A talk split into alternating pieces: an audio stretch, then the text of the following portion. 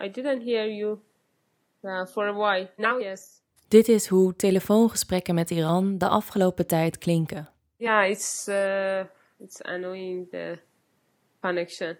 Je hoort Parisa, de documentairemaker uit Teheran. In aflevering 1 vertelde ze hoe vrouwen in die stad zich verenigen in hun strijd tegen huiselijk geweld. Ze volgde activisten voor haar film en werd zo onderdeel van de groep. Uh, and then I joined them and as filmmaker and also as a member of this campaign as activist. De verbinding hapert. Yeah, let me to. I don't know if I tell. Want terwijl deze podcast gaat over hoe vrouwen in Iran de samenleving proberen te veranderen, staat het land op zijn kop.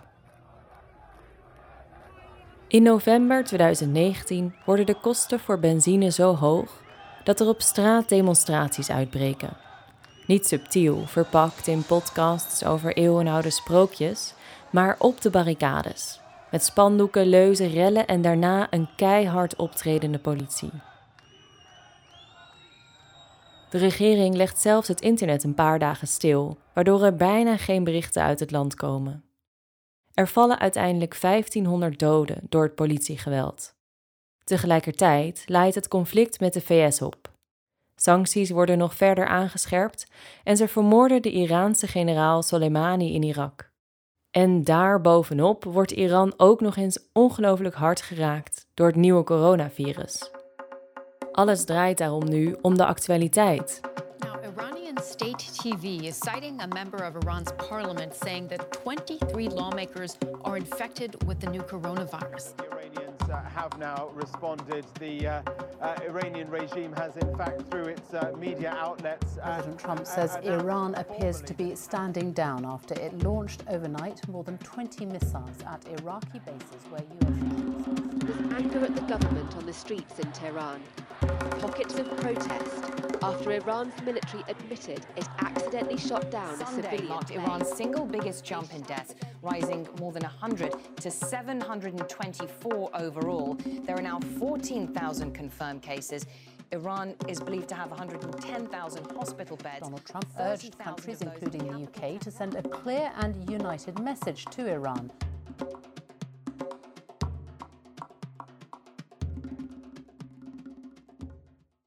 En wie heeft het dan nog over vrouwenrechten?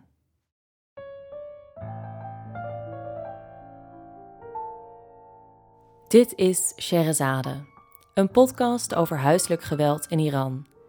Maar belangrijker nog, een podcast over hoe vrouwen in Iran de wet en de samenleving proberen te veranderen. Want Iran is een van de weinige landen ter wereld waar geen wetgeving is om vrouwen te beschermen tegen huiselijk geweld. Ik ben Misha en in de vorige aflevering hoorde je het verhaal van Sherazade. Een eeuwenoud sprookje dat door Bita en de andere activisten wordt gebruikt om de verhalen van vrouwen over huiselijk geweld verder te verspreiden. In de vorm van een podcast. In deze aflevering gaat het verhaal verder. Want hoe verander je eigenlijk een wet in Iran? Deel 3. De nieuwe wet.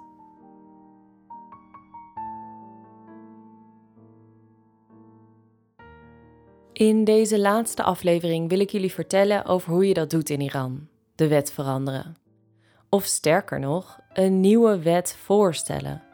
Want met hun podcast en campagne proberen de activisten de samenleving te veranderen en mensen bewust te maken van het bestaan van huiselijk geweld. Maar in de praktijk zijn hun rechten nog altijd beperkt. Het is voor vrouwen moeilijk om een echtscheiding te krijgen, terwijl mannen die probleemloos kunnen aanvragen. Zelfs in situaties van huiselijk geweld is het bijna onmogelijk om uit een huwelijk te ontsnappen. En waar moet een vrouw vervolgens heen? Veel vrouwen zijn economisch niet zelfstandig en er zijn geen blijf van mijn lijfhuizen. Naast een maatschappelijke verandering is het daarom tijd voor een juridische omslag. Om de activisten heen verzamelt zich een groep advocaten. Ze werken samen om hun idee op papier te zetten. Because we don't have any law to protect women. It's not like other countries. Het resultaat is een 15 pagina's tellend document dat in formele taal uitlegt wat de bedoeling is van de nieuwe wet. Wat er in ieder geval in staat. A woman doesn't need to get permission from a man. It shouldn't be like that. If woman wants to get divorced, she could do that. Vrouwen moeten kunnen scheiden van hun man zonder opgave van reden. Ze moeten hun man kunnen aanklagen als hij hen mishandelt. It needs to have this kind of punishment for men also. Uh, going to the jail or uh, paying something, something like that. En er moeten voorzieningen komen om vrouwen te helpen in situaties van huiselijk geweld. The proposed law has the very basic things. Having safe house for women who are in violent situation, access to um, judicial system without paying money, access to female judge and lawyers for women who are in this situation. Hun ideeën zijn radicaal voor Iraanse begrippen. Dat weten ze. Yeah, it's very progressive law for Iran, I mean. Maar ze moeten het in ieder geval proberen. Ze hebben hun wensen op papier gezet. Maar om de weg van de wetsverandering te begrijpen, moet je eerst begrijpen hoe de Iraanse wetgevende macht in elkaar steekt. Daarom een kort lesje Iraanse politiek. En daarvoor belde ik Paul Aarts. Hij is gepensioneerd docent internationale betrekkingen, maar geeft nog altijd les aan de Universiteit van Amsterdam. Ik vroeg hem: hoe zit het nou precies? Nou, het woordje precies moet je maar vergeten, want dat weet niemand. Dat weten de Iraniërs zelf volgens mij ook niet. Het is een ingewikkeld systeem, vertelt Aarts. Iran is een republiek waarbij de president en het parlement op democratische wijze door het volk worden gekozen. Maar Iran is ook met nadruk een islamitische republiek. Er is dus geen strikte scheiding van staat en godsdienst. En dat islamitisch staat natuurlijk niet voor niks. Dat betekent dat de hoogste uh, politieke leiding uh, in handen is van een geestelijke. Dat is dan wat dan heet de supreme leader of de rahbar in het, uh, in het Persisch. Ali Khamenei, opvolger van Khomeini. Um, dat is de man die een veto kan uitspreken over alles. De islamitische macht gaat boven de democratische. Want Khamenei kan iedere wet van het parlement die hem niet zint tegenhouden. Dus in, uh, in zekere zin heeft hij absolute macht. Dus als hem iets niet zint, terwijl er bijvoorbeeld een wet is aangenomen in de majlis, in het parlement, dan kan hij dat vetoen. Maar, zegt Paul Aarts, deze opperste leider is niet ongevoelig voor wat er in de samenleving gebeurt. De opperste leider doet ook aan polderen, wat wij polderen noemen. Dus er is, er is heel veel overleg en discussie, en ja en nee, en mits en maar. En hij is er niet per se op uit om alles tegen te houden. Die zal nooit zomaar uh, als een uh, ja, middeleeuws absoluut heerser zijn zin doordrukken. Die zal altijd proberen rekening te houden met de voor's en de tegenstanders van een bepaald issue. Hoewel hij zich ook realiseert dat niet iedereen die analyse deelt. Ik weet dat veel Iraniërs, zeker uh, mensen die in het buitenland wonen, die dus gevlucht zijn voor het regime, die vinden deze uitspraak van mij absurd. Die zeggen, hoe kom je daar nou bij? Het is toch een pure islamitische dictatuur, enzovoorts, enzovoorts. Ik denk dat het genuanceerder is. Ik denk dus dat er echt wel degelijk sprake is van overleg binnen wat we dan noemen de politiek over uh, uh, ja, tal, tal van issues. Khamenei kan dus alle wetten die hem niet zinnen tegenhouden. Maar het initiatief voor nieuwe wetten ligt bij het parlement. Als parlementslid heb je de mogelijkheid om een wet in te dienen. Het parlement gaat er vervolgens over in discussie en de wet komt dan tot stemming. Bij een meerderheid wordt de wet aangenomen, mits de opperste leider niets van zich laat horen. Om de geschreven wet bij het parlement te krijgen, hebben de activisten dus een parlementslid nodig dat de wet voor hen wil indienen. Eén van de 290 parlementsleden die achter hen wil staan. En ze hoeven niet lang na te denken over de ideale kandidaat. Dat is Tayyebe Siawoshi. In 2016 wordt Tayyebe Siawoshi verkozen tot parlementslid. Ze studeerde politicologie en internationale betrekkingen en voordat ze parlementslid werd, werkte ze voor het ministerie van Buitenlandse Zaken. Ze is een van de twaalf vrouwen die in 2016 officieel wordt geïnstalleerd als parlementslid. Zoals de andere vrouwen in het parlement is ze lid van de vrouwendelegatie en ze staat bekend als een meer liberale politica. Soms wordt ze ook beschreven als vrouwenrechtenactivist. Een van de dingen waar ze zich over uitspreekt tijdens haar parlementarierschap is het stadionverbod voor vrouwen. Sinds 1979 kunnen vrouwen in Iran geen voetbalwedstrijd bijwonen. Wat tot veel protest heeft geleid en vrouwen die vermomd als man toch het stadion in proberen te komen. Maar dat is een risicovolle onderneming, blijkt vorig jaar uit het verhaal van Saher Kodayari, die als Blue Girl de geschiedenisboeken in zal gaan. In maart 2019 probeert Kodayari het stadion in te komen om haar favoriete voetbalclub te supporten. Ze draagt een lange jas en een blauwe pruik, in de kleur van haar club. Maar ze wordt betrapt en gearresteerd. In september gaat ze naar de rechtbank voor het vonnis en daar hoort ze dat ze tot zes maanden de cel in kan.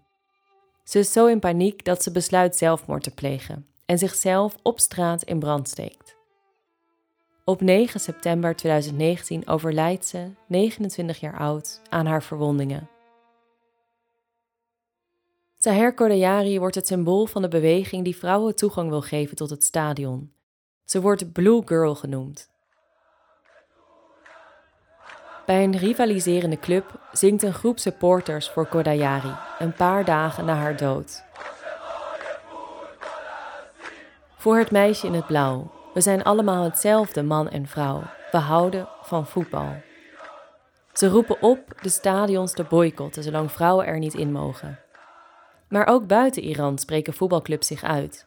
Van AS Roma tot Barcelona en van Hannover tot het nationale team van Zweden. En daarmee wordt de druk op het Iraanse regime en op de FIFA, die dan bezig is kwalificatiewedstrijden te organiseren voor het WK 2022, steeds groter. En dan blijkt er ineens iets mogelijk in een strijd die al jaren duurt. Op 10 oktober 2019 iets meer dan een maand na de dood van Kodayari, mogen vrouwen officieel een kaartje kopen voor de WK-kwalificatiewedstrijd van Iran tegen Cambodja. De vrouwen supporten hun nationale team en roepen de naam van het meisje in het blauw.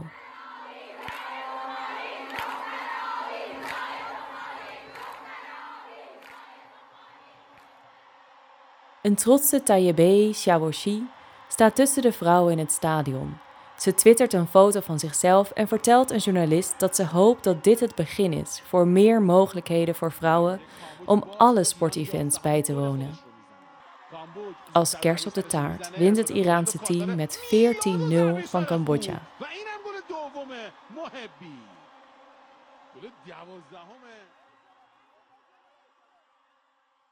Maar terwijl Shia Woshi in het stadion een overwinning viert, kent haar periode in het parlement ook tegenslagen. Zo werkt ze jarenlang aan een wet om kindhuwelijken in Iran te verbieden. Nu mogen meisjes vanaf 13 en jongens vanaf 15 jaar trouwen. Maar met toestemming van ouders mogen ze dat al veel jonger. In de wet die Siawoshi voorstelde, zou dat illegaal worden en wordt de huwelijksleeftijd voor iedereen verhoogd naar 18. De wet wordt serieus door het parlement behandeld en maandenlang wordt er gedebatteerd. Het lijkt Siawoshi en haar medestanders te gaan lukken. Ook hier helpt internationale druk hen. Zelfs de meer conservatieve leden van het parlement lijken de wet goedgezind. Maar weet je nog dat ik zei dat het best ingewikkeld is, die Iraanse politiek? Naast het parlement, die wetten voorstelt, en de opperste leider die de wetten kan vetoen, is er nog een belangrijk politiek orgaan dat laat zien hoe religie en staat in Iran vervlochten zijn. De Raad van Hoeders. Je hoort weer Paul Aarts. In het Engels heet die raad de Guardian Council. En die Guardian Council is een soort waakhond van um, het islamitisch gehalte van de republiek. En die raad heeft vergaande bevoegdheden. En die uh, werkt min of meer onder supervisie van de opperste leider. En die raad van hoeders houdt de wet tegen kindhuwelijken van Siawoshi tegen. Ze hebben er lang over nagedacht, maar besluiten uiteindelijk dat de voorgestelde wet in strijd is met de Koran. Ook vinden ze dat de parlementsleden zich te veel hebben laten beïnvloeden door het Westen. Er is niets mis met de wet zoals die nu is, concluderen ze. De strijd van Tayyebe Siawoshi en haar medestanders tegen kindhuwelijken begon in 2016, bij haar aantreden. En eind 2018 wordt er definitief een streep door de wet gehaald die ze voorstelde.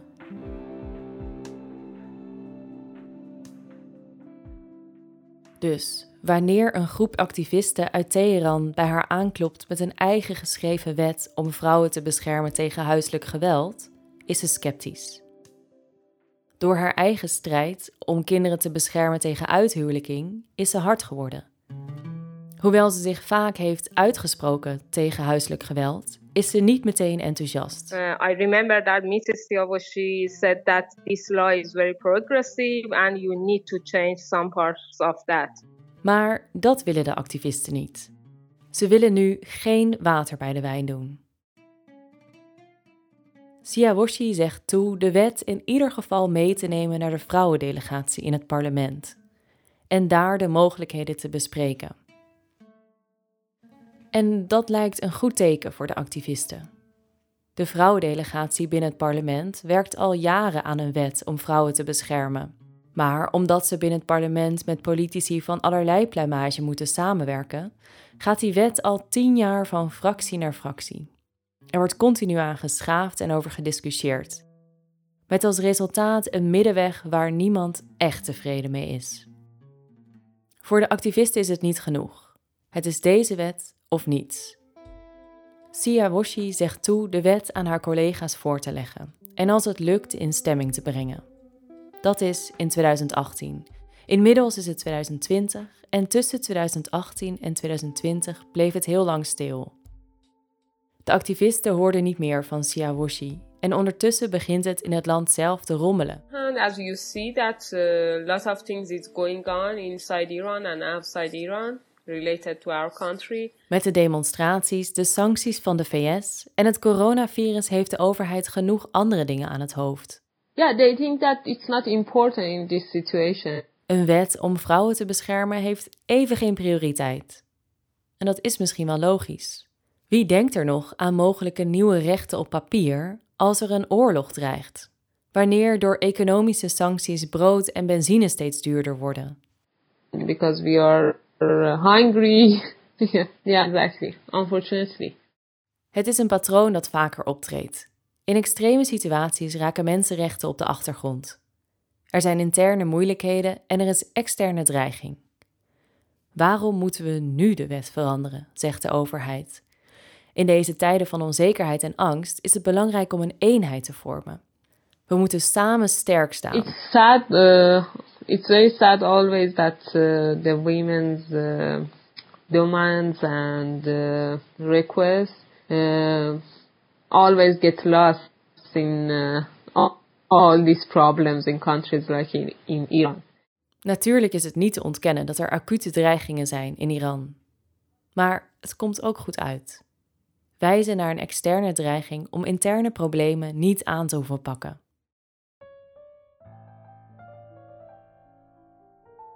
Voor de activisten is het een onzekere tijd. De podcast loopt door en ze gaan door met hun acties. Maar voor de juridische strijd hebben ze nu al hun wapens ingezet en kunnen ze alleen nog maar wachten. So we have to wait and to see what's going on because you can't say anything. Begin 2020 zijn er bovendien verkiezingen geweest. Siawoshi wil zich weer kandidaat stellen, maar wordt tegengehouden. De Raad van Hoeders steekt er een stokje voor. Want niet alleen toetsen zij wetsvoorstellen aan de Koran, ze screenen ook iedereen die zich kandidaat wil stellen voor verkiezingen. Dat betekent dat als je je kandidaat stelt voor bijvoorbeeld het parlement, dan moet je goedgekeurd worden door de Guardian Council. Nou, die Guardian Council staat bekend als een conservatieve instelling. En die uh, elimineren heel vaak progressieve kandidaten. Niet altijd, niet altijd, maar wel heel vaak wel. En terwijl ze in 2016 nog werd goedgekeurd, komt Siawoshi er in 2020 niet doorheen. Maar de strijd om gelijke rechten is nog niet afgelopen. En ook nog niet verloren, zegt Parisa. But I think that uh, we have to do something. It doesn't mean that uh, because it's like that uh, we must be silent. So we try, we put a force, and if we could make effect on few people, it's I think that it it would be a big success in Iran. Misschien, geeft Parisa toe, was het vanaf het begin al een onmogelijk doel om de wet echt te veranderen. Yeah, we we knew that from the beginning. uh, yeah, we, um, all of us uh, we were sure that uh, the law wouldn't pass or uh, change. Ze moesten het proberen. But uh, the most important thing for the, these lawyers and also the women rights activists, it was just to not be silent and do something.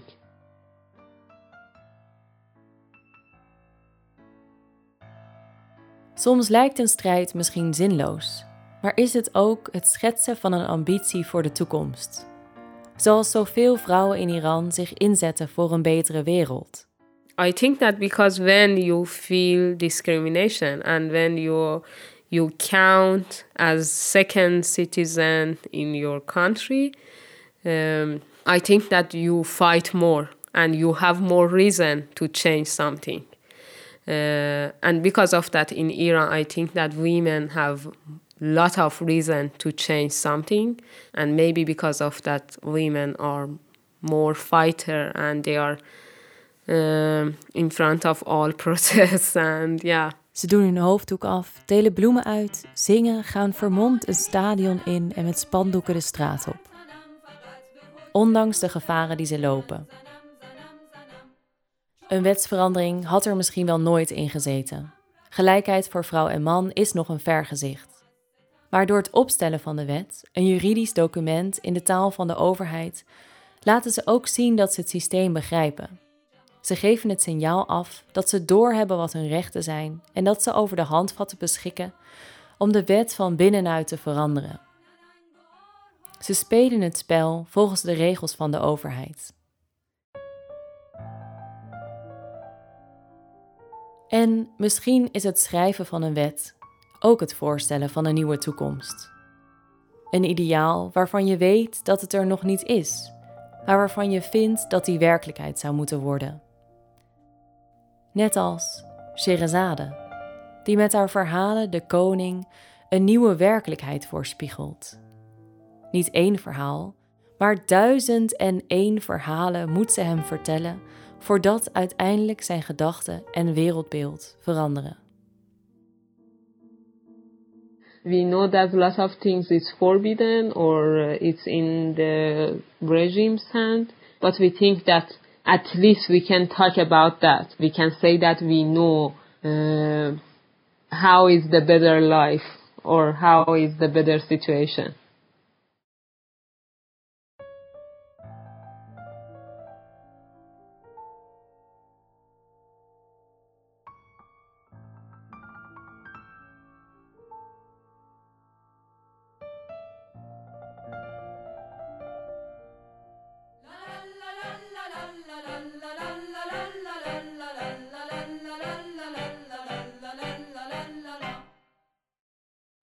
Dit was Sherazade, het laatste deel van een driedelige podcastserie over huiselijk geweld in Iran. Gemaakt door Misha Melita samen met Lighthouse Reports. Bedankt Ludo, Katinka en Danielle voor jullie advies. En bedankt aan Parisa, Bita, Heidi, Mina, Moshte en alle andere vrouwen voor jullie verhalen. Farid Chic maakte de prachtige muziek.